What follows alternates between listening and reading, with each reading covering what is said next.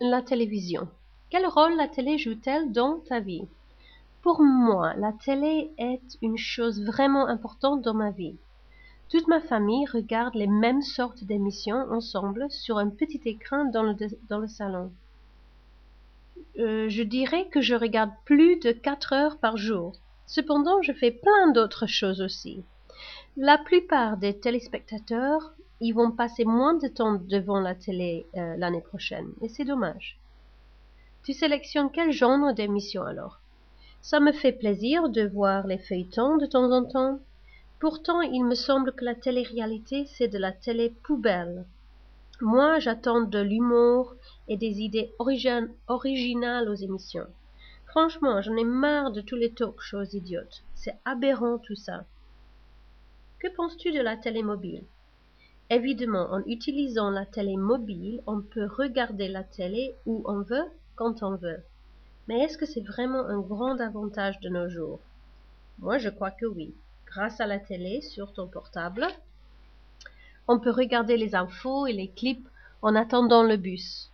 Aussi, on peut télécharger notre feuilleton préféré, nos feuilletons préférés, ou les regarder en direct. C'est extraordinaire. Et la télé-réalité?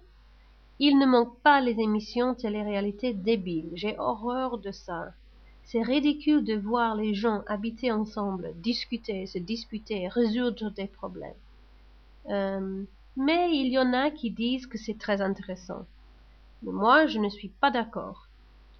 Parle-moi des dangers et les bienfaits de la télé. Les bienfaits de la télé sont que les gens apprécient une autre mode de vie.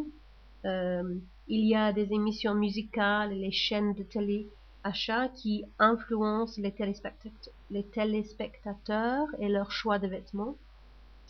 Par contre, la télé a aussi ses aspects négatifs. La télé peut avoir trop d'influence.